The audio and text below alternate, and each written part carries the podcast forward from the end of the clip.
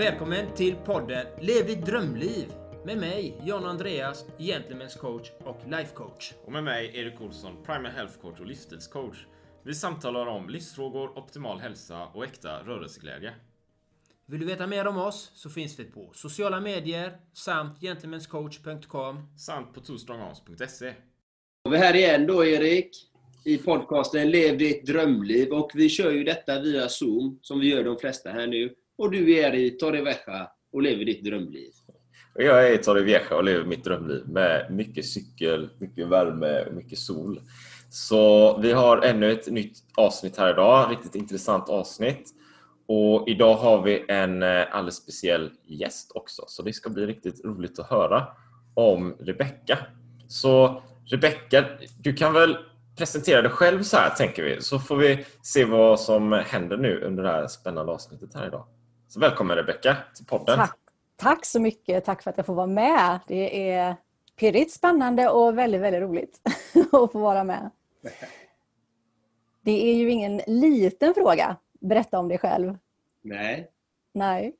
Men eh, jag får berätta vad jag vill. Mm. Rebecka Hedberg heter jag. Det får jag väl säga hela mitt namn fullt ut först. Jag eh, driver mitt företag som heter Hälsa i nuet. Jag utgår ifrån Göteborg, Göteborgsområdet, Kungälv. Där är jag rent geografiskt. Ehm, jag skapar en medvetenhet hos människor. Där någonstans utgår jag väl ifrån, tror jag. Att jag vill få människor att förstå värdet i att stanna upp i sina liv, pausa, börja känna mer, att det är okej okay att känna att stanna upp för att börja titta inåt, lära sig mer om sig själv och hur man kan påverka utifrån det sen. Där någonstans är grunden till det jag gör och anledningen tror jag till att jag är med i den här podden idag. Mycket. Det får vi se. Det får vi se. Vad roligt. Och eh, jag eh, gör det här genom samtal med kunder, klienter och även kursverksamhet.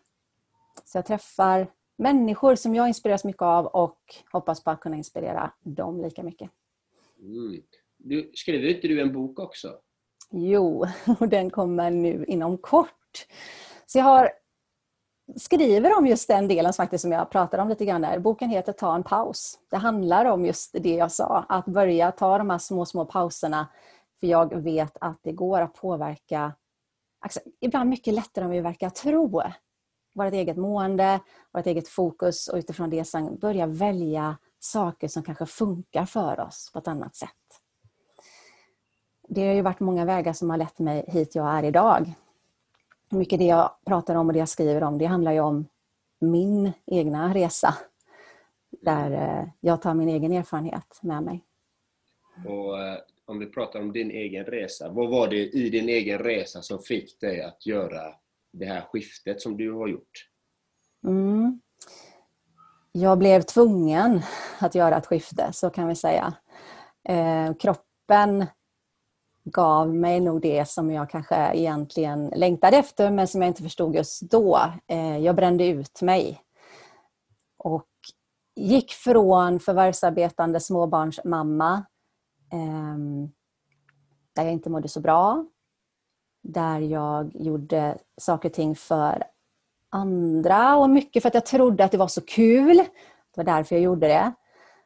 Väldigt aktiv. Ehm, och sen så en dag så gick det inte längre utan jag kraschade. Och där skedde väl det skiftet som jag tvingades att göra. Mm. Och det skiftet som jag idag ser som wow, vad glad jag är att det hände. På riktigt. För att utan det så hade jag inte gjort de förändringarna som jag inte ens visste om då fanns att göra. Men som jag ser nu att det var nog förmodligen det här jag längtade efter fast jag hade ingen aning om vad det var. Men att det fanns något annat. One size fits all seems like a good idea for clothes until you try them on. Same goes for healthcare. That's why United Healthcare offers flexible, budget friendly coverage for medical, vision, dental, and more. Learn more at uh1.com. When you're ready to pop the question, the last thing you want to do is second guess the ring. At Bluenile.com, you can design a one of a kind ring with the ease and convenience of shopping online. Choose your diamond and setting. When you find the one, you'll get it delivered right to your door. Go to Bluenile.com and use promo code LISTEN to get $50 off your purchase of $500 or more. That's code LISTEN at Bluenile.com for $50 off your purchase. Bluenile.com code LISTEN. There's never been a faster or easier way to start your weight loss journey than with PlushCare. PlushCare accepts most insurance plans and gives you online access to board-certified physicians who can prescribe FDA-approved weight loss medications like Wigovi and Zepbound for those who qualify. Take charge of your health and speak with a board-certified physician about a weight loss plan that's right for you. Get started today at plushcare.com slash weight loss. That's plushcare.com slash weight loss. plushcare.com slash weight loss.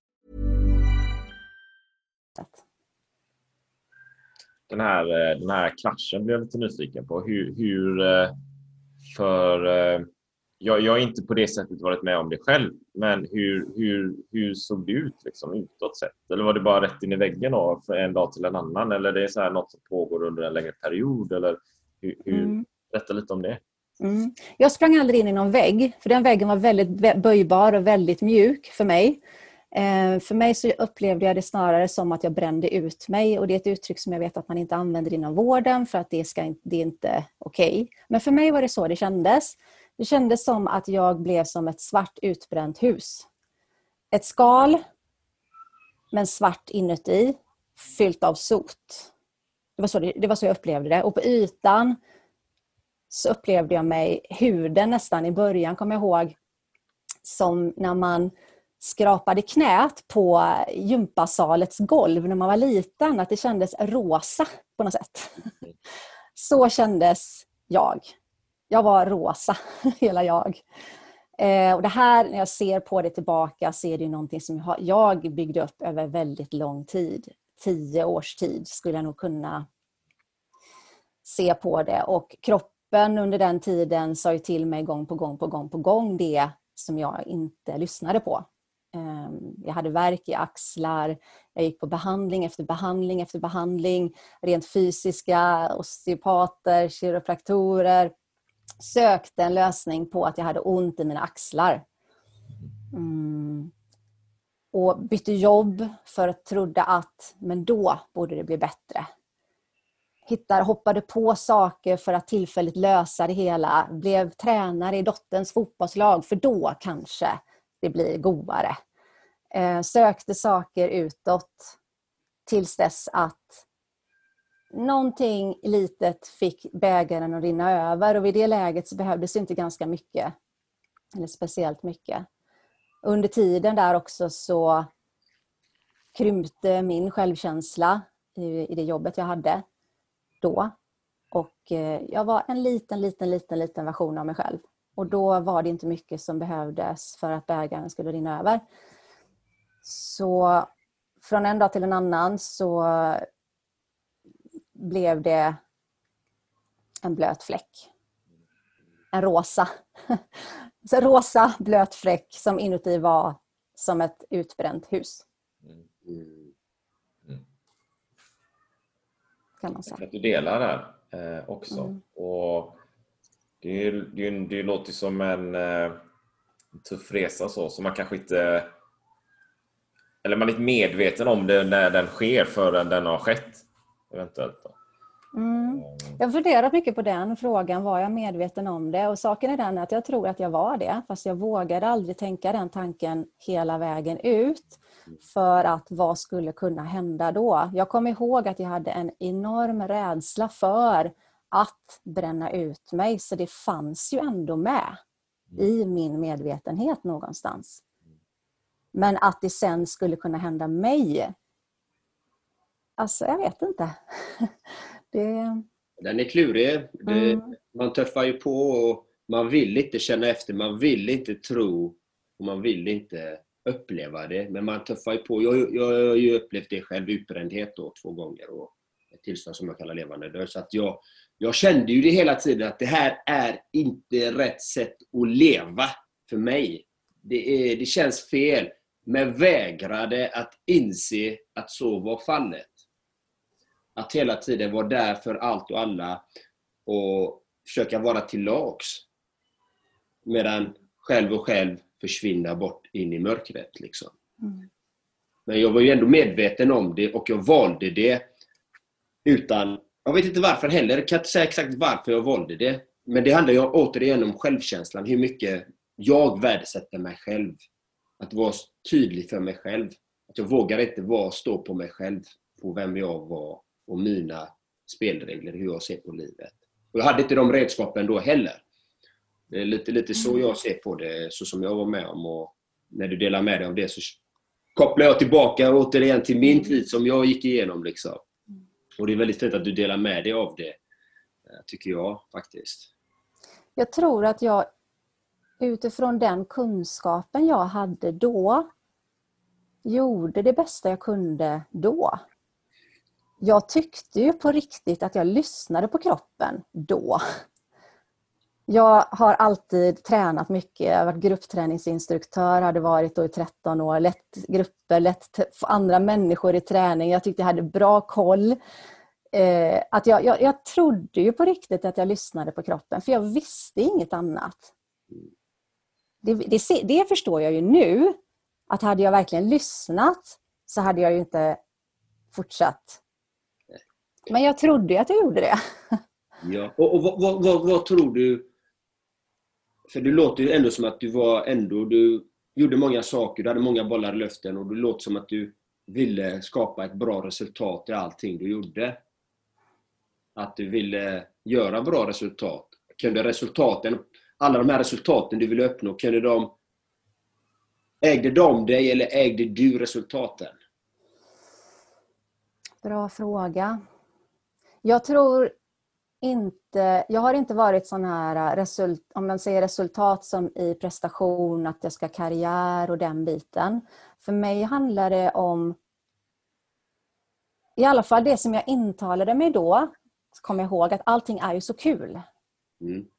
Jag, jag ska ju vara med på allting för att det är så kul. Jag tyckte nog att det var kul utifrån det jag trodde och tyckte. Men när jag tittar på det nu i efterhand med ett annat facit så ser jag också att det var ju inte bara för mig som jag gjorde eller var med utan det var ju mycket för vad jag trodde att jag skulle kanske göra, vad förväntades ehm, och vad jag ja, men kanske till och med trodde var roligt. Jag trodde att det gav mig energi, men när jag ser på det nu så nej, det gjorde det nog inte. Utan det var snarare jag själv, mitt ego som kanske boostades i vissa om, om, områden. Mm. Mm. Ja. Spännande. Vad är det, vad är det för, vad är det för eh, tänker jag då, vad är det liksom för skifte? Liksom? Vad, är det, vad är det man ska liksom ha upp, insett då på något sätt? För, för man kan ju vara i ett läge där man tänk, man tror att man känner sig själv och jag lyssnar på kroppen och jag lyssnar på kroppen. Jag har ont i axlar och rygg och sånt där och det är jobbigt och jag är trött. Men jag lyssnar på kroppen och jag vilar. Och ja, men där har du något. Där har du något. Jag vilar inte. Där är det någonting. Jag vilar inte. Återhämtning fanns inte med i mitt vokabulär. Jag visste inte vad det betydde. Det, det, fanns, det, det fanns inte med det var en, en eh, gråzon som jag inte ens eh, hade med. Varför skulle jag det? Det var det ena. Sen var det här med känslor. Det fanns inte heller. Varför ska jag gråta? Varför ska jag känna? Det är ju bara, alltså, varför? Det är väl onödigt. Det är väl bara till att... att varför liksom? Så där är två saker. Och så som jag ser det nu, de två sakerna gör ju att jag inte hade kontakt med mig själv. Jag hade inte någon kontakt med mig själv. Jag var långt borta från den personen som jag egentligen är och de behoven jag egentligen har. Som jag har förstått nu och alltså sen efter krasch. Det är på något sätt som att det finns ett liv före och efter krasch. Rebecka 1.0 och Rebecka 12.99. Alltså, eh, en, en mycket bättre version av mig själv där jag känner att jag mår mycket bättre utifrån en helt annan grund som är inifrån mig på ett helt annat sätt. Mm. Och jag upplever att jag hade tappat bort mig själv någonstans. Så den jag lyssnade på, det var ju vad jag trodde. Mm. Också uppe i mitt huvud. Att, Mm. mm. Och, och, var, och var har du... Alltså det här är ju väldigt intressant. Var har du fått de föreställningarna om att livet skulle vara på det sättet som du levde? Alla andra gjorde ju så. Precis. Alla andra runt omkring mig gjorde ju så. Ja. Eh, Alla andra på jobbet, de verkar ju fixa det här. Varför? Det måste jag ju med. Mm. Jag, eh, när jag bytte tjänst så upplevde jag det väldigt, väldigt jobbigt. Fruktansvärt jobbigt. Jag gick med en ångestklump i magen till jobbet och hade, mådde fysiskt dåligt i sex månaders tid. Och tryckte undan det för att folk sa ju till mig att men det är jobbigt att byta jobb. Okej, Okej, ja, men då lyssnade jag på det. Jag, jag, jag tappade bort mig själv i den formen av att jag, jag lyssnade inte på min egen magkänsla som ju skrek åt mig, eller kroppen skrek åt mig att här mår du inte bra. Här ska du inte vara. Du ska vara någon annanstans. Men mitt huvud sa ju, ja men alla andra på jobbet verkar ju lösa det här, då borde jag också. Del två var, ja men det funkar nu, jag är nära hem, barnen är små, det är bra. Alltså jag övertalade mig själv Mm. och vågade inte lita på den, den kraften eller den magkänslan eller vågade inte lyssna på mig själv för att hon hade varit avstängd i så många, många, många år. Hon har inte fått komma till tals på väldigt länge. Mm. För de besluten eller de valen jag har gjort, hade gjort innan, kanske i 20 års tid, var baserade på vad jag tänkte och vad jag trodde skulle vara bra. Mm. Och Det här är ju väldigt intressant. Jag älskar ju de här frågorna liksom, och jag, jag grottar ju ner mig i de här. Och Tror du det kan ha med att göra hur din uppfostran var och hur skolan uppfostrade dig? Ja, det är det säkerligen. Ehm, lägg till det också att jag är en väldigt inkännande person som uppmärksammar hur andra mår och därmed också hur ska jag då förhålla mig till den här personen och har gjort så väldigt mycket i mitt liv, vet jag. Från det att jag varit liten. Okej, den personen verkar vara så här. Men om jag då förändrar mitt beteende lite grann så kanske den mår lite bättre. Och varje gång jag gör det så zoomar jag ju ut från mig själv också. Så att tänk dig då den personen som jag var då kanske i skolan som då anpassade mig för att det skulle bli lätt som möjligt i gruppen. Jag får inte vara krånglig. Duktig ska jag vara och allt det här såklart. Det, det hör ju ihop givetvis. Mm. Jag har aldrig varit någon krånglig elev eller ifrågasatt eller Mm. på det sättet. Utan snarare anpassat mig. Hur många gånger har du fått höra i din uppfostran och från skolan och alla de här olika instanserna som finns att du ska lyssna inåt? Aldrig någonsin. Det är därför jag gör det jag gör nu. Jag försöker lära folk det de har glömt bort sedan de var små. För vi kunde ju det när vi var små.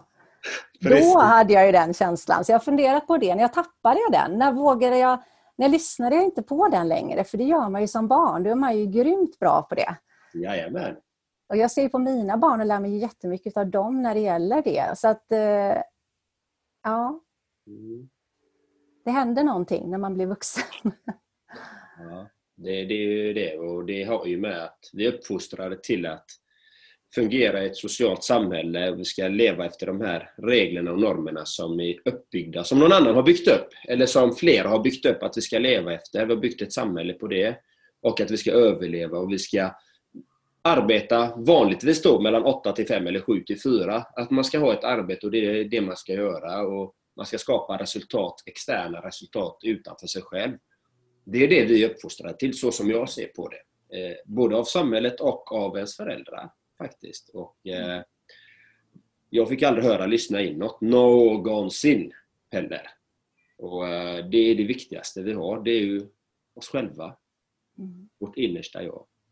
Det, det är ju lite som en sånt där, sånt där lek. Man har en sån där tavla liksom, med sån här trekant och så har man en fyrkantig kloss man ska trycka i i den här trekanten i hålet. Så liksom. Där, där, där, där den här plattan är samhället då kanske på sätt och vis. Normer och strukturer och så är man själv här. Och, men jag är ju på ett sätt, jag är unik. Jag är ju Erik eller John Andreas eller Rebecka så här. Och ska man trycka ner den här på något sätt, anpassa sig till allting annat som finns där, ja men då är klart. För en del kanske det är lite smidigare, det är inte så kantigt och för andra är det lite krångligare. Och så, och så blir det så här. Att vi har, eh, jag vet inte, tre entreprenörer här då kanske. Att vi, liksom, mm. man hittar sina egna vägar på något sätt. Mm. Det är en, ja, en kreativitet, om inte annat då. Men det är ju... Ja, ibland behövs det ju någonting som gör att man vågar eller som i mitt fall att man blir tvungen till att göra en förändring. Mm. Och jag, jag, tror inte att jag hade skapat den förändringen utan att jag hade bränt ut mig. Mm. Och att på något sätt... Alltså det, blev, det blev en ren överlevnad som gjorde att jag sökte mig annat än där jag var. För att på något sätt greppa om halmstrån till en början, att börja må lite, lite bättre. Liksom. Och det, det skiftet hade jag inte mäktat med eller klarat av eller än vetat om var möjligt innan. För jag funderar på det där lite grann. Fanns det någonting som någon skulle kunna sagt till mig som hade fått mig förstå att nu måste du skapa en förändring innan du kraschar. Och jag kan inte komma fram till något. Och den frågan har jag tänkt på mycket. Det fanns ingen mening, tror jag, som någon hade kunnat säga till mig där och då som hade gjort att jag hade lyssnat. Så jag tror att vissa behöver den kraschen för att förstå. Och jag var en av dem. Inte alla, men vissa behöver det. Och jag tänker att det behöver inte vara fel. Nej, jag tycker inte det finns något rätt och fel. Jag har ju kraschat två gånger och en tredje gång. Jag var väldigt trögfattad. Jag var inte lika smart som dig då, kan man ju säga. jag behövde krascha fler gånger. Gå igenom lidandet och mörkret för att fatta. Så, och, och, och det är ju...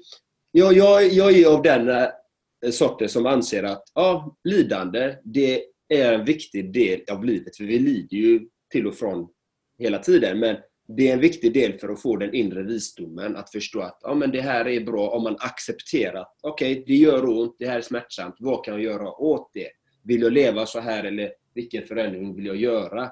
För innan man kommer till den punkten så är det väldigt svårt, som du säger. Hade någon, det var ju hur många som helst i min närhet som sa du lever helt galet fel. Men jag vägrade inse. Jag bara, nej, jag ska kötta på. Jag ska ju lösa det här.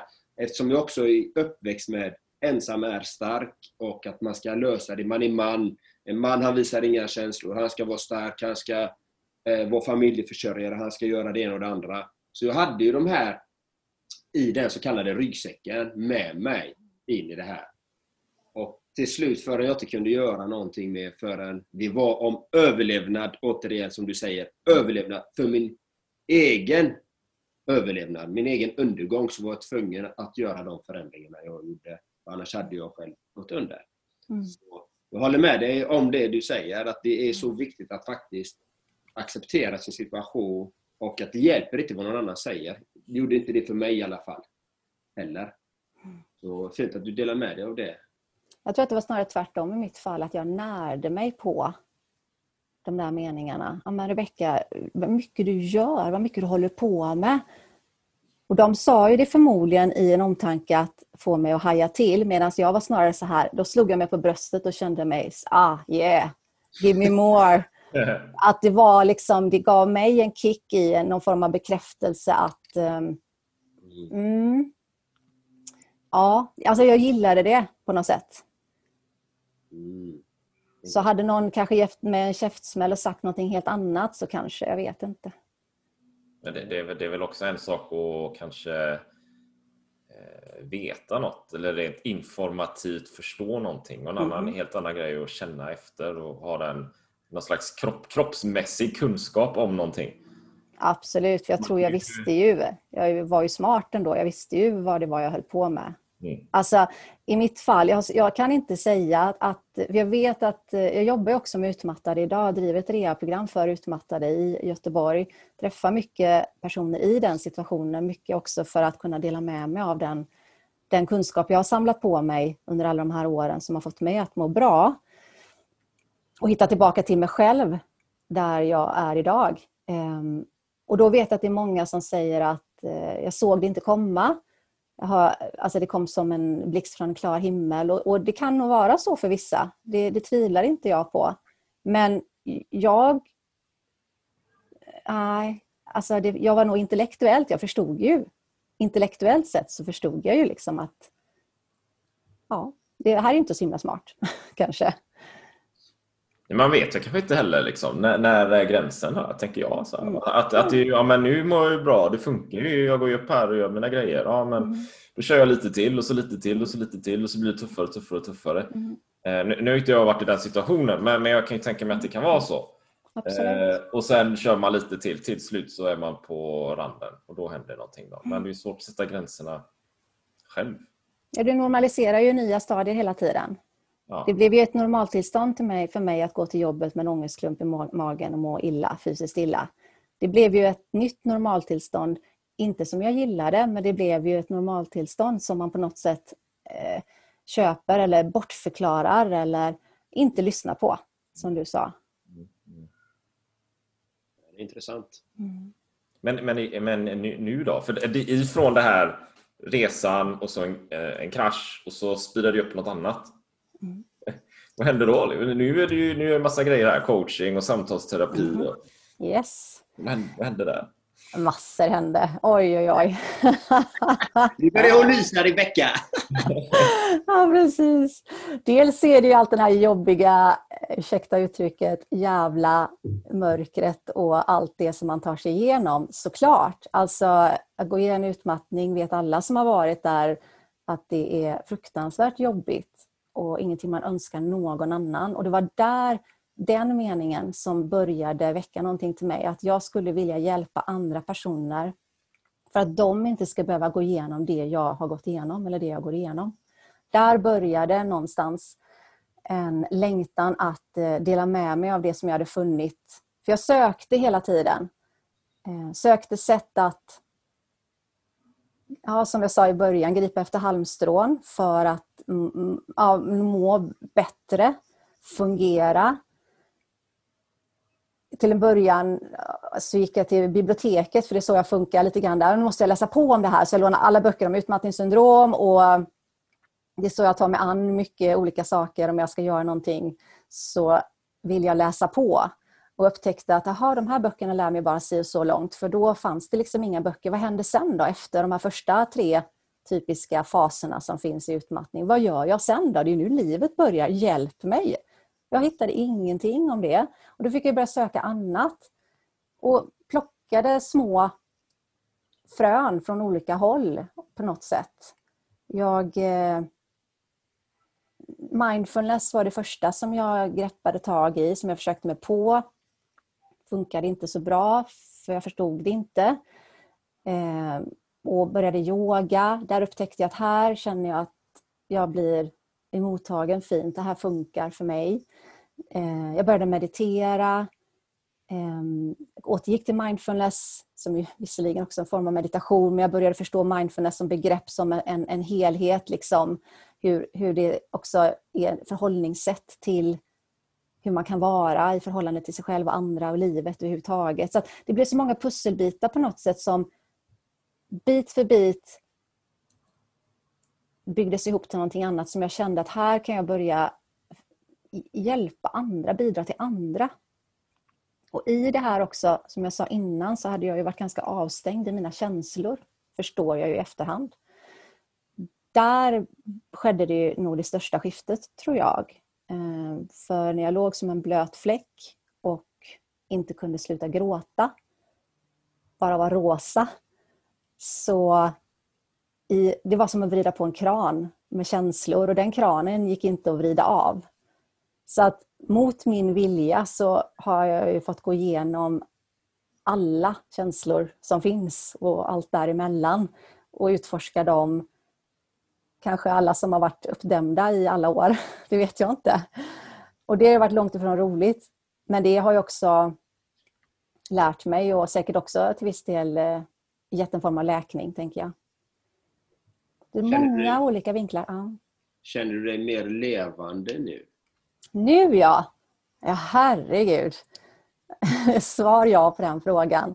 Alltså, livet går ju upp och ner hela tiden. Det handlar ju inte om att man ska hitta någon form av gyllene medelväg, inte i mina ögon i alla fall. Och det handlar inte heller om att vi ska kunna uppnå någon form av rosa värderade mål som vi ska gå runt på hela tiden heller, utan livet är ju där.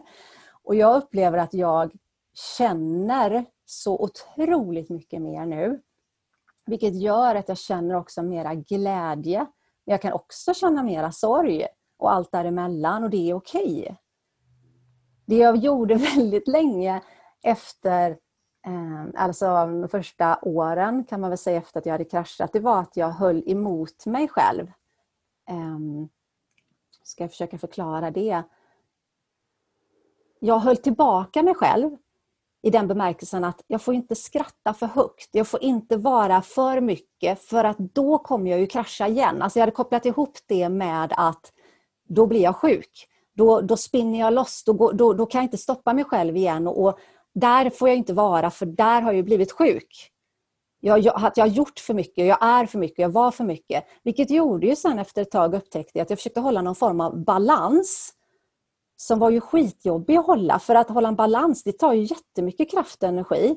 För jag var rädd för det som att vara för mycket, skratta för mycket skulle kunna leda till att det skulle leda till någon form av bakslag där jag gick ner i någon form av mörker igen. Alltså var, försökte jag hålla mig på någon form av balans. Tills jag upptäckte att genom att göra så, genom att hålla tillbaka mig själv, så höll jag också, alltså jag kapade bort mig från livet. För jag kapade ju bort den spralliga, glada Rebecka som, som känner mycket, som, som skrattar mycket kanske, eller som, som, som vågar vara mycket. Mm. Och där, henne höll jag ju tillbaka, jag begräns, alltså jag kapade ju bort mig själv från, från, från livet. Så när jag insåg det och vågade vara den personen också, men faktiskt också vågade känna allt det där i den andra änden. Då fick jag på något sätt en helt annat djup i livet på något sätt. Att jag lever mer. Mm. Att jag tillåter mig att vara på hela det spektrat på något sätt. Kan du, kallas, kan du kalla det att du känner dig mer fri? Ja. Och det känns levande, va? Ja. ja, och det är Så väldigt att, eh, intressant. Och, och mm. det, och vi pratar ju om resultat också. Eh, för jag gillar, jag gillar alltid att prata i resultat, för att resultat, man kan ju använda olika benämningar, men resultat är ändå ett resultat på ditt välmående, på din kontakt med dig själv. Resultat är ju mätbara resultat också, som du kan se skillnader i livet. Hur har dina relationer blivit? Hur har ditt liv formats när du har blivit mer i kontakt med dig själv och dina känslor? Mm. Vilka, förstår du frågan? Vilka resultat mm. märker du i din omgivning? I alla områden egentligen. Märker du någon skillnad i de resultaten? Jag skulle vilja säga att eh, vi har blivit bättre i min familj. Jag har två barn och en man. Vi har blivit bättre på att vara okej. Okay. Mm. Att känslor är okej. Okay. Mm. Vi har... Eh, ja, men att, att jag upplever att det har blivit en, ett, en förändring i, i vår relation som familj. Från det att jag vågade jag vet inte, jag tror faktiskt att det handlar om att våga visa mig själv faktiskt mera på hemmaplan. Att jag kände mig tryggare. Jag vågade uttrycka mig mer vad jag kände. Eh, och berätta vad jag behöver. Där kan jag fortfarande öva mer, det vet jag. Man lär sig hela tiden. Mm. Också berätta det för mina barn. Att avdramatisera mycket. Mm avladda vissa, vissa saker gentemot dem. Eh, ja, gå med på känsla också är det som jag arbetar väldigt mycket eller arbetar väldigt mycket, men att jag, som, det känns viktigt för mig nu, idag, att koppla på min magkänsla som jag vet är väldigt stark, men som jag inte tillät eh, få prata på väldigt länge. Men när jag gör det så blir det en helt annan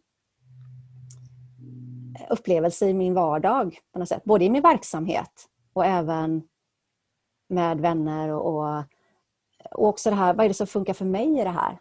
Mm. Alltså nej, det här funkar inte. Okej, hur, kan, hur kan jag förhålla mig till det eller behöver jag säga till? Eller också, vad är viktigast för mig? Och, och vad är viktigast för oss som familj?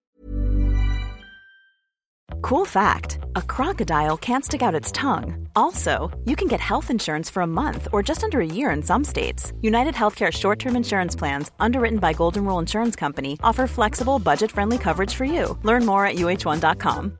A lot can happen in the next three years. Like a chatbot may be your new best friend. But what won't change? Needing health insurance. United Healthcare Tri Term Medical Plans are available for these changing times. Underwritten by Golden Rule Insurance Company, they offer budget friendly, flexible coverage for people who are in between jobs or missed open enrollment. The plans last nearly three years in some states, with access to a nationwide network of doctors and hospitals. So, for whatever tomorrow brings, United Healthcare Tri Term Medical Plans may be for you. Learn more at uh1.com. och försöka ha det i fokuset. Så det, det, alltså för, mig, alltså det här är ju, för mig har det ju skett ett skifte i, i mig som inte syns men som mina närmaste vänner upplever att wow, du, du har förändrats och vi gillar det vi ser. Mm. För det har skapat ett annat djup i mig också. Och, eh, och, eh, alltså jag, jag är en annan person nu. Du är mer autentisk dig själv kan man säga. Ja, det kan man nog säga.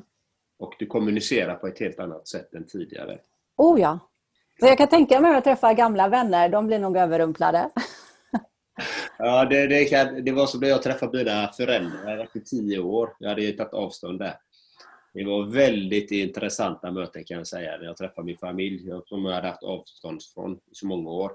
Men du är ju sån. Nej, jag är inte sån. Jag är sån här. Var har du fått det påståendet ifrån? Och det höll ju på så här i några månader till slut insåg de han är ju en helt annan människa. och min relation med dem blev, blev ju så vacker. Det bara Mm. blomma. Men allting handlade om min kommunikation med mig och hur jag kommunicerar med dem runt omkring. Mm.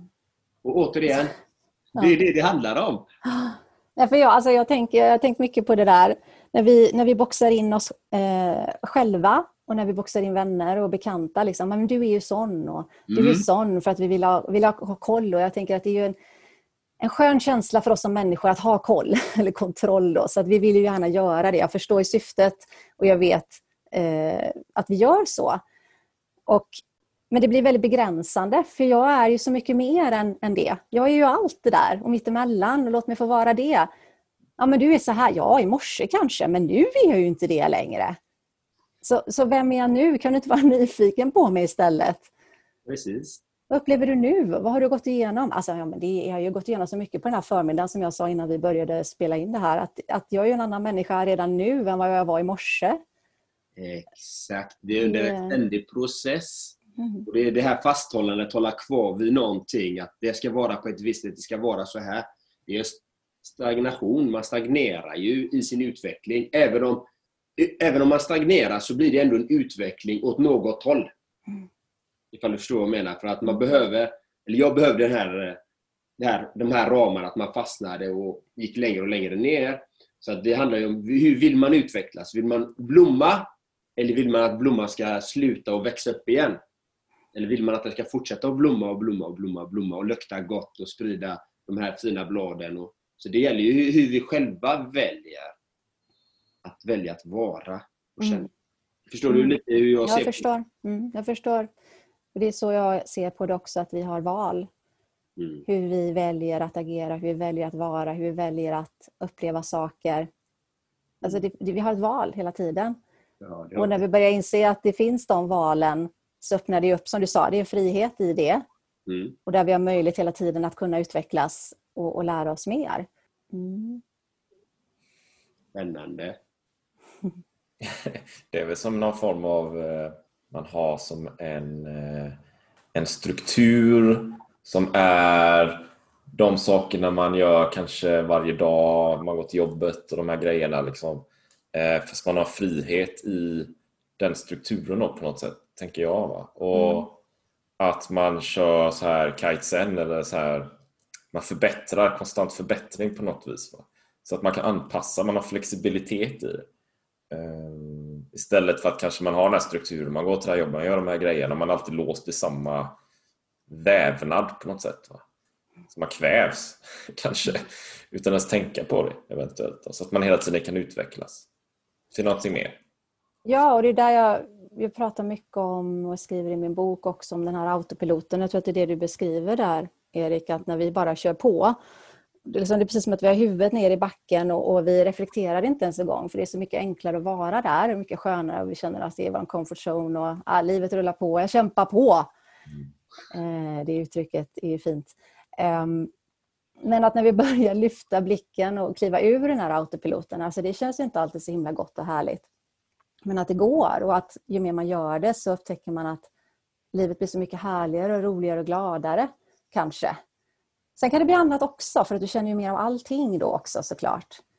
Men det är, det är okej. Okay. Alltså, ja, det är nog den största vinsten överhuvudtaget. Det är det här att det är okej okay att känna. Mm. Att känslor är okej. Okay. Det, är, det är en frihet för mig i det. Och då kan jag vara okej med att må dåligt. Mm. Att känna ett lugn i det. Alltså inte att jag är lugn i det, men att jag är okej att jag är lugn i, okej okay, den här känslan är här nu då, då får den vara här då. Mm. Den kommer passera. Alltså jag gillar det inte men okej, okay, den är här. Det är en del av livet. Samtidigt som jag kan också verkligen bli bubbligt, härligt glad och tillåta mig själv att känna det med. Mm. Um, mm. Men hur, hur, skulle du säga, när vi ändå talar om känslor, för jag älskar ju att tala om just om känslor också. Ibland är ju känslor, det är känslor och ibland är det ju att de inte speglar verkligheten ändå. Mm. Absolut. Det kan ju gå en millisekund så kastas man tillbaka till någonting som har varit från förr. Och man har inte en aning om vad fasen hände här men känslan river och sliter i en för att det var någonting som gjorde att man kastades dit, såklart. Mm. Och det är ju ingen skön upplevelse. Det, är ju, det, är, det behöver inte betyda att det är skönt att känna de här känslorna. Men att det är okej okay att de är där. Mm. Och, och det, ja. och jag älskar ju detta. Hur, hur jobbar du med den känslan då? Till exempel om du svävas tillbaka och du kanske får den här klumpen för att det är någonting i din externa eller interna miljö som har gjort detta. Att du har slungats tillbaka och du får den här känslan, den här, eventuellt den här klumpen vi pratar om. Att du kanske känner den mm. bara för de här minuten, sekunderna. Vad gör du då? När du känner den här? Jag gör nog som människor är mest. Jag blir totalt överrumplad till en början. alltså, jag är ingen expert på känslor, men jag kan känna känslor. Och jag, ja. kan, jag kan bearbeta känslor. Och jag har gjort det otroligt mycket och gått igenom så mycket skrämmande känslor och kommit ut större på den andra sidan. Så jag vet att jag klarar det. Eh, och för varje gång så växer man. Men jag tror att jag blir väl överrumplad först. Mm. Kastas tillbaka. Jag tänker att det är en naturlig till viss del reaktion. Men jag har märkt också mer och mer faktiskt att jag samtidigt på något sätt kan iaktta mig som ett studieobjekt. Och Det låter kanske jättekonstigt för det är precis som att jag samtidigt som jag upplever känslan och vad det nu innebär att eh, hela kroppen reagerar precis som att man ska överfallas av ett lejon. Liksom. Mm. Eller vad det nu än är. Att jag på något sätt ställer mig bredvid rent jag vet inte. Ehm, och, och samtidigt titta på mig. Aha, det här var ju intressant att jag reagerar så här. Jaha, okej. Okay. Och i det också, det hjälper mig på något sätt att gå igenom känslan. Mm. Jag är med. Eh, jag, jag gör liknande själv, kan jag säga. Utan eh, får jag en känsla, spelar ingen roll. Ibland, ibland får man bara känslor som kommer från ingenstans. Mm. De kan bara dyka upp. Helt plötsligt känner jag, wow, jag känner mig ledsen. Jag känner mig obekväm. Varför stannar jag ju upp? För jag känner ju i kontakt med mig själv, så jag känner ju det direkt nu. Okej, okay, varför? Aha, det är någonting från det förflutna eller det är någonting i framtiden jag vill åt. Jag är inte riktigt här och nu, utan det är tankarna som gör någonting. Då stannar jag upp och så går jag utanför, precis som du säger. Jag accepterar att känslan finns där. Jag förstärker den inte och jag förminskar den inte, utan jag accepterar att den är där. Och låter den bara vara där. För det är okej, okay, som du säger. Det är okej, okay, mm. låt den bara vara. Mm. Och sen försvinner den. Mm. Och ibland tänker jag också att ibland behöver man vara kvar i vissa känslor ett tag till på något sätt. Man behöver det för att sedan släppa. Att ibland behöver man få lov att gå runt och pysa frustration eller eh, tycka att livet suger för att nej, jag vill vara här ett tag. Jag behöver vara här innan jag, tills jag är redo själv och, och släppa taget om den här. Och det är det jag märker också att jag um, Alltså jag, är, jag är medveten, även om det känns väldigt, väldigt jobbigt och det kan ju vara korta, korta, korta känslor eller korta perioder eller längre perioder, så på något sätt så lugnar det mig att veta att det här kommer också förändras. Mm. Att det, det förändras på något sätt. Mm. Och jag säger det, jag brukar säga det också, vi säger det till, till klienter och kund, deltagare och så här, att det är okej. Okay. Och att okejet är inte betyder att du behöver gilla det. Men att det är okej okay att det är så. Det är det som du säger, acceptans där. Jag tycker okej okay känns så lugnt och fint för mig. Mm. Och Det var ett ord som jag sökte, tror jag, som jag längtade efter att någon skulle berättat för mig när jag, när jag kraschade och allt däremellan. Mm. Istället att försöka fixa mig, istället försöka komma med lösningar eller istället för att bara ignorera eller trycka undan för vissa som inte vågar fråga hur jag mådde eller sådär. Eller att jag gick hos psykologer och vi försökte fixa saker. Och, oh, att någon bara hade sagt att du Rebecka, det är okej. Okay. Du mm. känner väldigt mycket just nu. Du tumlar, det är okej. Okay. Mm. Så när jag fick höra det första gången, det var som en, oh, man fick en mjuk varm filt runt omkring sig. Mm. Okej. Okay. jag behöver inte göra någonting åt det här, det är okej. Okay. Ja, jag gillar det. Det ordet kommer jag ta med mig faktiskt. För det, jag brukar använda acceptans, men jag tycker det ordet det klingar bättre i mina öron också. Så det tackar jag för faktiskt. Att det är ja, tack för att du tar emot. Ja, jag tar emot det ordet för det tycker jag var ett finare ord för mig faktiskt också. Mm. Uh, jag har alltid använt ordet acceptans. Liksom. Men, men det är också någonting som jag blivit uh, jobbat mycket med just med acceptansen. Men okej, okay, det är okej okay att känna det jag känner. Det är okej. Okay. Mm. Och det är som du säger, att gå in i den här känslan. Att ibland behöver man vara i den känslan länge. Jag minns 2008, jag, hade, jag var på mitt första retreat, liksom, meditationsretreat. Och jag var ju vansinnig. Jag var så arg. Jag var i den här ilskan. Och till slut gick jag fram till meditationsläraren och sa jag är så arg. Jag är så förbannad. Jag kan slå sönder varje människa här inne. Jag hade så mycket ilska, frustration. Och han bara löjt och fint. Ja, men observera den känslan då. Sitt bara och observera den känslan. Eller hur? Det är precis det man vill höra i det läget. Jag bara blev ännu mer arg! Mm. Just det. Och nu är jag den, den jobbiga personen. Ja. Och bara blev bara galen liksom. Och till slut då, så precis så som du säger, och då hade jag ju mycket krämpor. Jag hade ju, det var som ett stort granitblock i ryggen då. Hade så ont samtidigt som den här smärtan kom. Så det förknippades med smärtan och tankarna. Och det kom upp mycket tankar också, och den här ilskan. Men till slut när jag accepterade den och började, precis som du sa, gå utanför mig själv, observera smärtan och tankarna bam, och känslorna och penetrera dem som en doktor letar efter en tumör, kan vi säga. Börja leta, gå längre och längre in ta bort, okej, okay, var är smärtan som mest? Och den blir bara intensivare och intensivare och intensivare. Till slut exploderar den. Liksom. Och jag hade ändå acceptans i smärtan också. Mm, just det. Och sen var allting borta. Och det är så jag jobbar som samtalsterapeut. Eh, mycket med känslohantering, känsloterapi och arbeta på det sättet. Precis som du beskriver där väldigt fint att på något sätt man skalar av laget med känslor vägleder och låter klienten få lov att uppleva känslan att det är okej, okay, att den finns där. Och så går vi djupare in i, i kärnan. Liksom. Och kan vi lösa upp där, vad det nu är, så kan vi också börja läka på ett helt annat sätt. Men att tillåtandet av känslorna är en, en, en upp, upplösande faktor på något sätt. Mm. Och det var det ingen psykolog som berättade för mig. Nej. Jag har lärt mig på annat håll.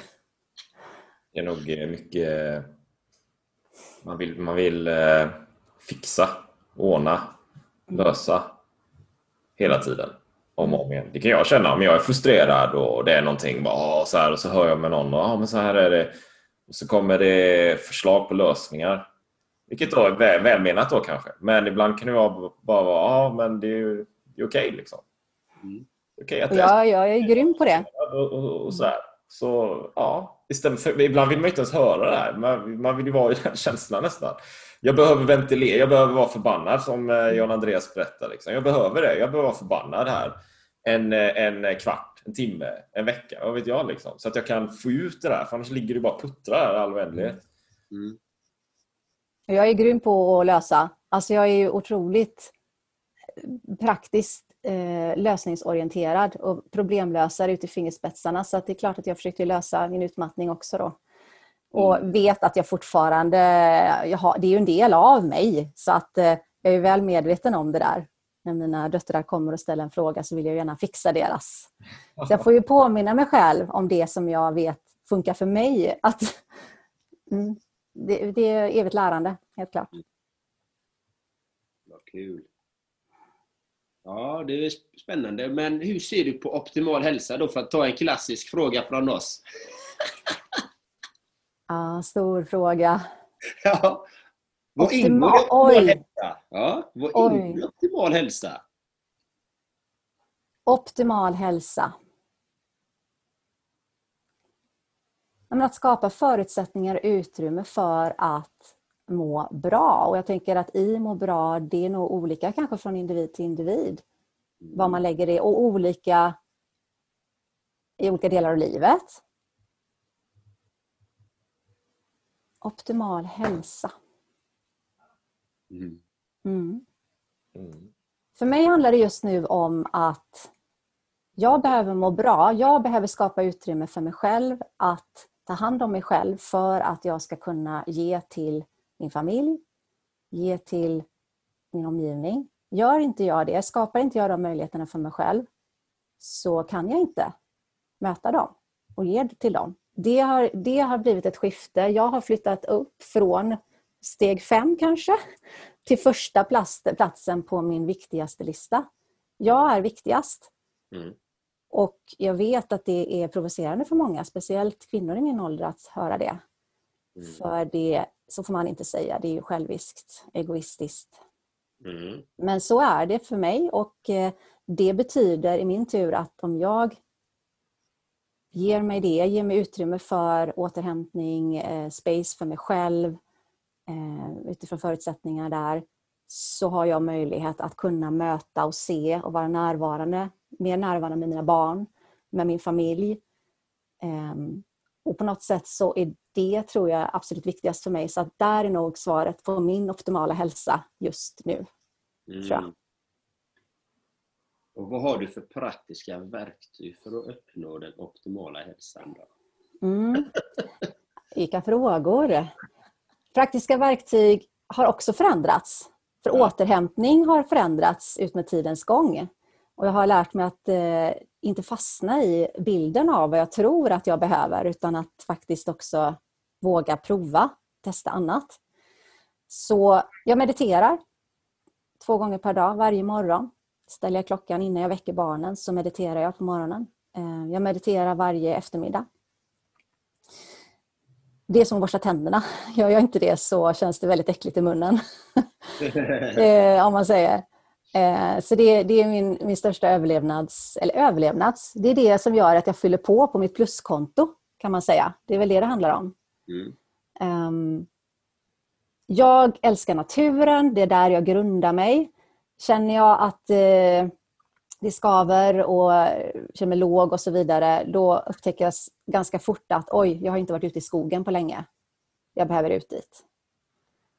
Så det brukar kännas ganska tydligt. Så där försöker jag komma ut så ofta jag kan och då är jag ensam och eh, inga lurar i eller någonting sånt där utan gå på känsla, sätter mig ner på en sten om jag vill ehm, och i naturen. Och där, där, kan jag, där kan jag landa. Det är precis som att trycka på control alt delete på datorn. Liksom. Det blir en omställning. Jag, jag eh, grundar mig där. Så meditation, naturen, space för mig är så viktigt. Så, så, så, så viktigt. Och någonting som jag inte ens trodde att jag hade ett behov av förut. Mm. Jag trodde på riktigt inte att... Eh, jag förstod mig inte på vänner som sa att ah, jag tog det här, gjorde det själv. Jag bara what, varför då? Jag, jag fattade inte grejen. Och jag har upptäckt att jag har ett oerhört behov av att vara för mig själv. Mm. Just nu. Så det försöker jag skapa. Och med barn och, och familj så är det mycket annat. Alltså jag har ju ett vardagsliv med logistik och hela den biten. Liksom. Så att, eh, men jag skapar med de utrymmena. Jag tar med de utrymmena och det är också provocerande för vissa. Mm. Så jag tror ju att eller det finns, det är min uppfattning så, att det finns en tydlig koppling mellan oss som människor och att vara ute i naturen. Mm. Det är liksom därifrån vi kommer, det är där vi hör hemma, det är där vi ställer om, det är där vi rebootar och vi behöver det. Vi kanske inte ens förstår att vi behöver det, men vi, vi behöver det för vi är en del av det. Mm. Och jag tror att ju mer vi är i det, är det liksom ute i städerna, det moderna samhället, och jobb och så här, så det är ju saker vi hittat på. Och ju mer vi är där, ju längre ifrån kommer vi från naturen. Då blir det ju någon slags dissonans mellan där vi är och det livet vi lever och det vi kanske på något sätt är ämnade för att leva. Och det skapar ytterligare en stress för kroppen. Så, här. så och Då tänker jag också, har man skogen i närheten då, ja men ge dig ut där liksom. Promenera där, precis som du säger Rebecka. Ha inga hörlurar någonting, liksom, var i det. Och Sen tänkte jag så här, nu är jag ju i Spanien. Så tittar jag ut så här, men här finns ju ingen skog. Liksom. Men, men, man kan ju kanske göra något annat då. Men ge dig ut till havet då, stränderna liksom. Ta en så här stand-up paddleboard eller någonting. Ge dig ut. Bara att man är i på något sätt i koppling till, till eh, naturen, till marken. Så här. Det tror jag är bra. Det, där laddar man liksom energi direkt från jordens kärna på något sätt. Va? Mm. Verkligen. Jag tror att eh, skog för vissa, hav för andra. Att vi dras till någon miljö där, där vi trivs. Det, jag tror att det är absolut... Kan, ja, tänk, det var någon som sa det där, kan man ge skog på recept? Så hade, hade ju eh, natur, vad heter de här läkemedelsföretagen gått i konkurs. Liksom. Det hade varit något. Ja, det hade varit nice. Jag har, eh, jag har, jag har faktiskt ett litet, litet semi-tankeprojekt om att återskapa naturen på sätt och vis. Men det får vi återkomma till i en annan podcast. Då, som ni tänker. Men det finns något där.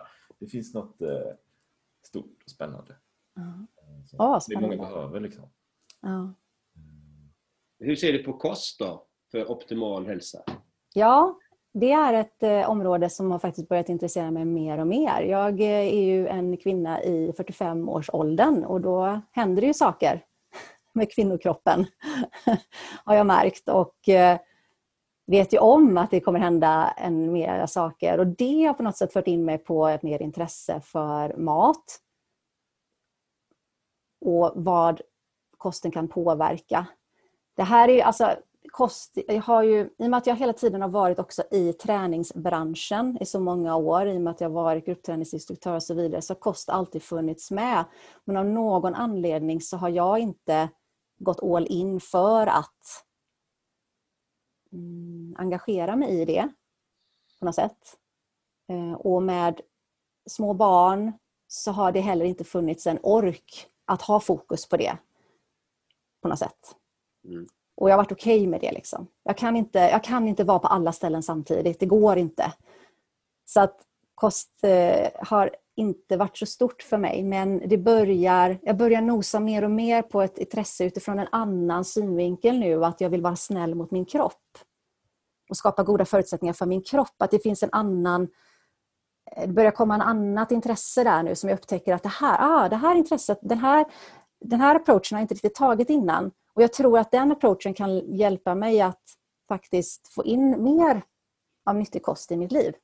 Mm. Så jag är sugen på att börja, börja den vägen. Liksom. Mm. Och eftersom du har varit i träningsbranschen, då, hur ser du på träning idag? Ja, bra. Tack. nu, fast jag ser träning på ett helt annat sätt. Alltså träning är, är väldigt... Eh, och jag älskar att träna. Jag är en av de där som går till gymmet och verkligen tycker att det är genuint roligt.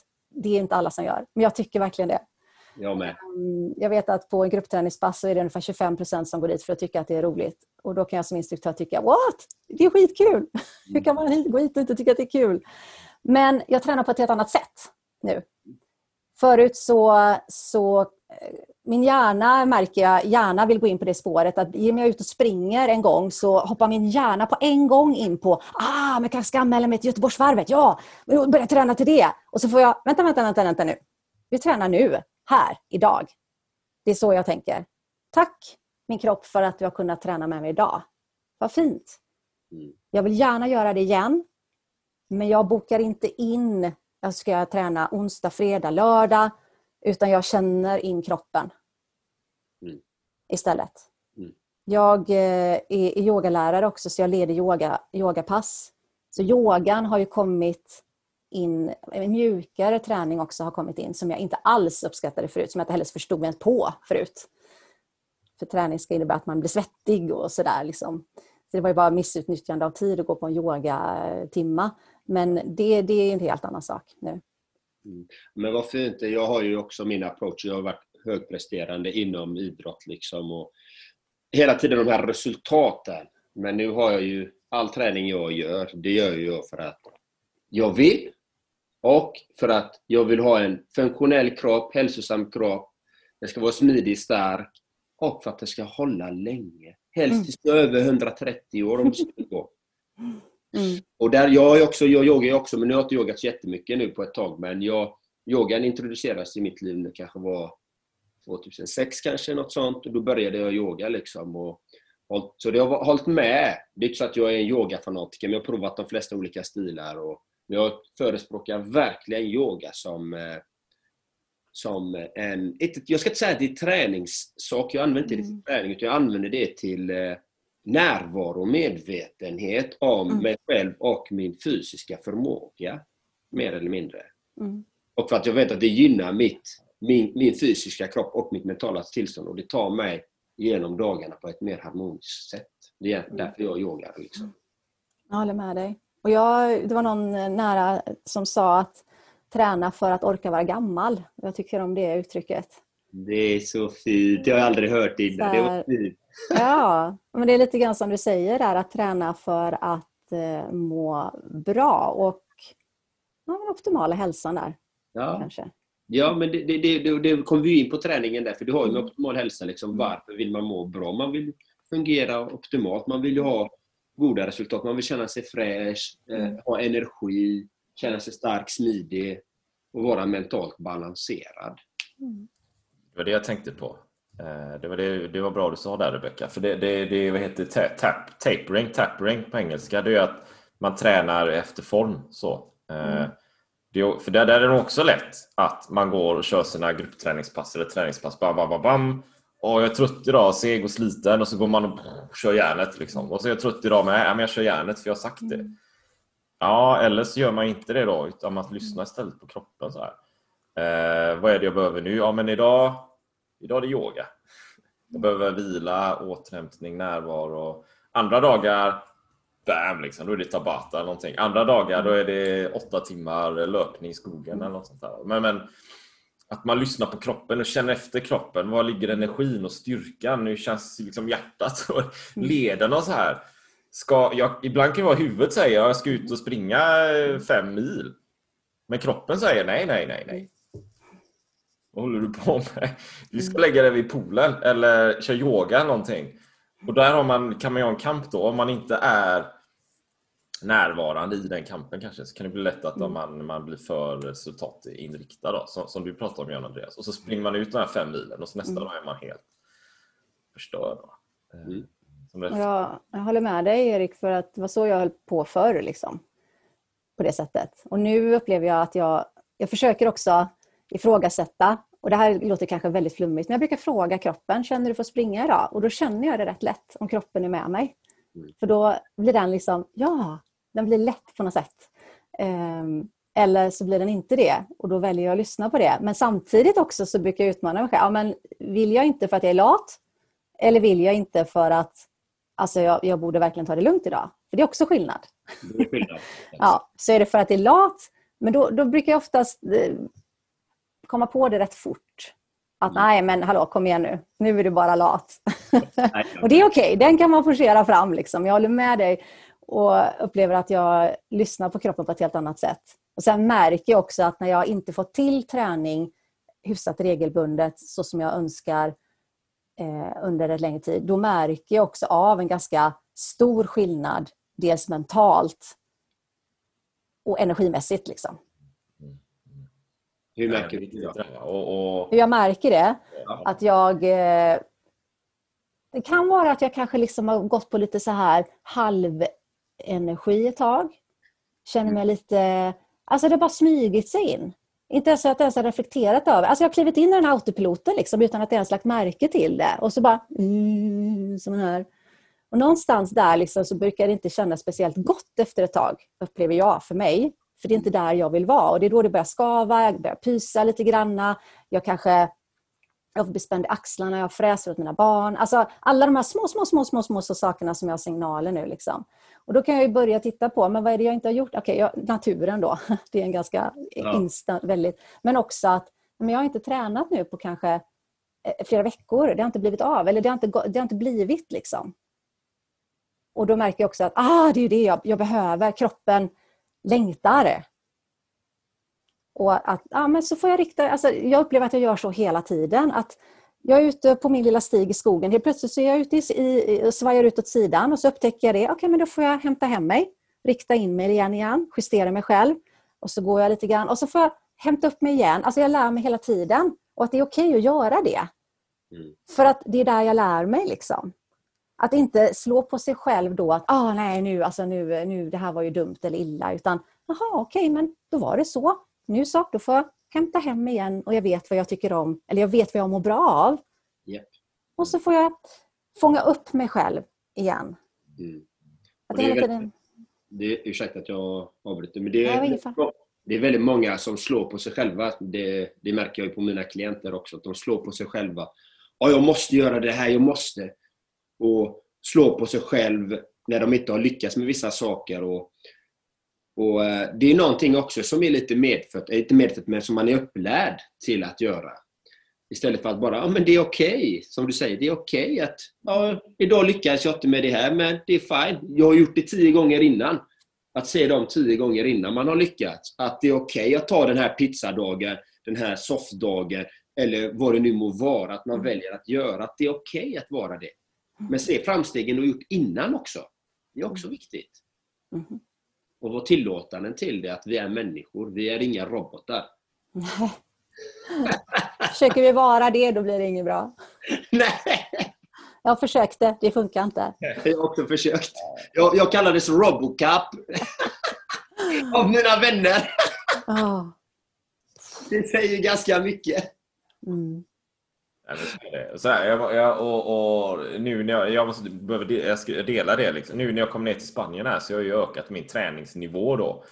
På träning från eh, okej, så ett antal timmar i veckan, mycket löpning och så, till eh, massivt. Liksom. Eh, nu är det ju kanske 40 mil i veckan, cykel 50 kanske någonting, 10 mil varannan dag. Ibland kör jag måndag, tisdag, onsdag, fredag, lördag. Vroom, liksom. Och jag kollade 30 timmar i sadeln då förra månaden någonting plus. Liksom. Så från det till... Och då, då, då blir det ju ännu viktigare att känna efter och sådär. Och lära känna sin kropp och så.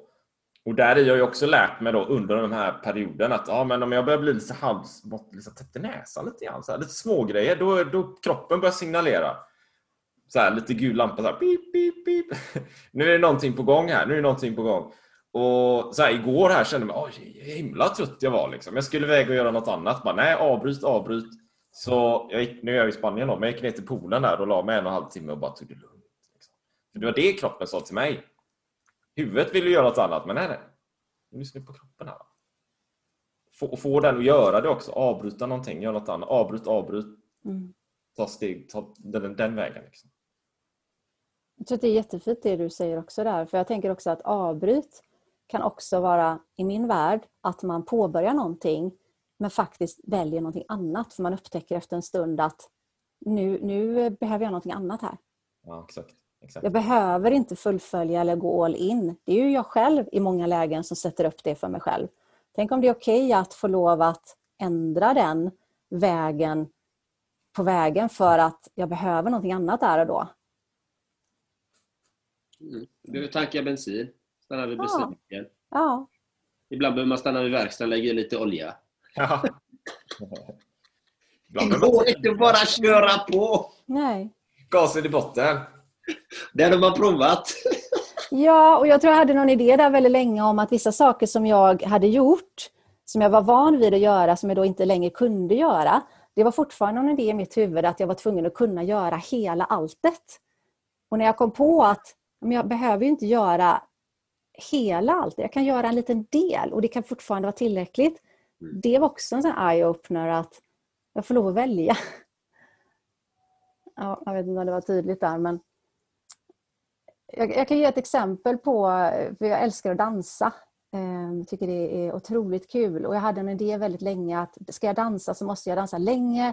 Jag kan inte bryta mitt i och, och då kommer det bli jobbigt och jag får ett bakslag. Och då kommer jag bara bli helt utmattad efteråt. Så att min, min kontenta i det hela, eller min, min tanke om det hela var att jag kan inte dansa längre.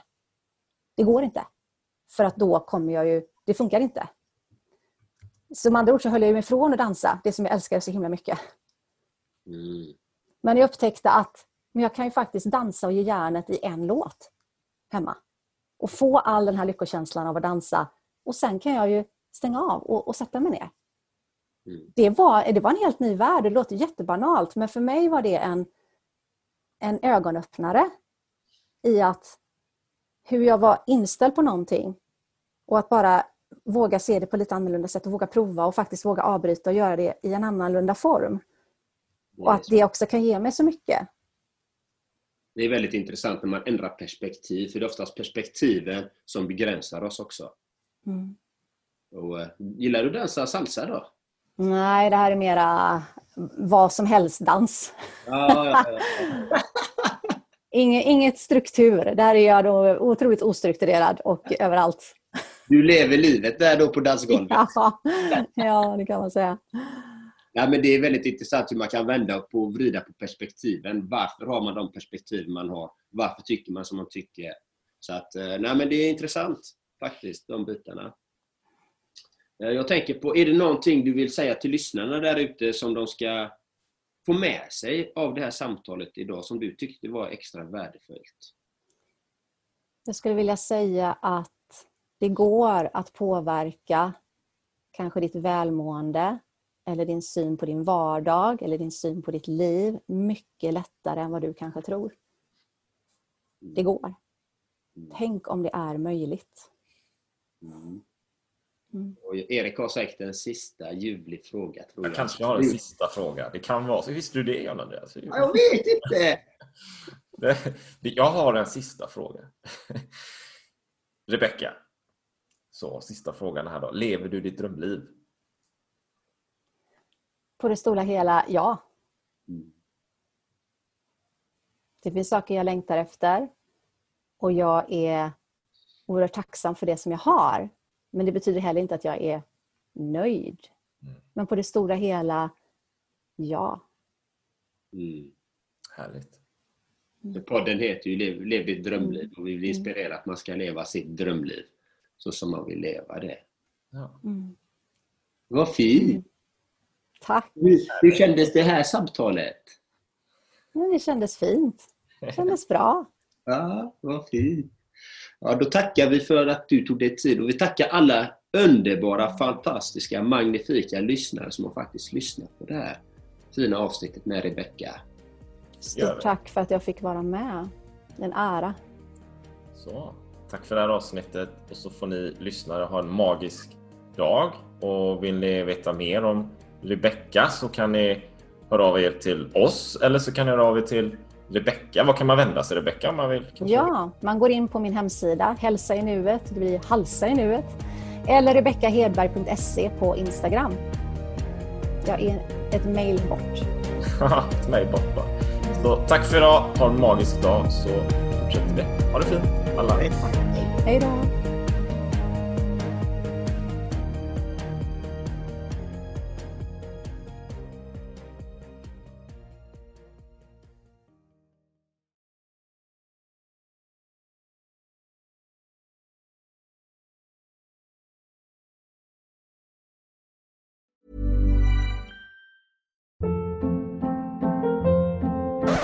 Hold up. What was that? Boring. No flavor. That was as bad as those leftovers you ate all week. Kiki Palmer here, and it's time to say hello to something fresh and guilt-free. Hello Fresh. Jazz up dinner with pecan-crusted chicken or garlic butter shrimp scampi. Now that's music to my mouth. Hello Fresh. Let's get this dinner party started. Discover all the delicious possibilities at hellofresh.com. Even when we're on a budget, we still deserve nice things. Quince is a place to scoop up stunning high-end goods for 50 to 80% less than similar brands.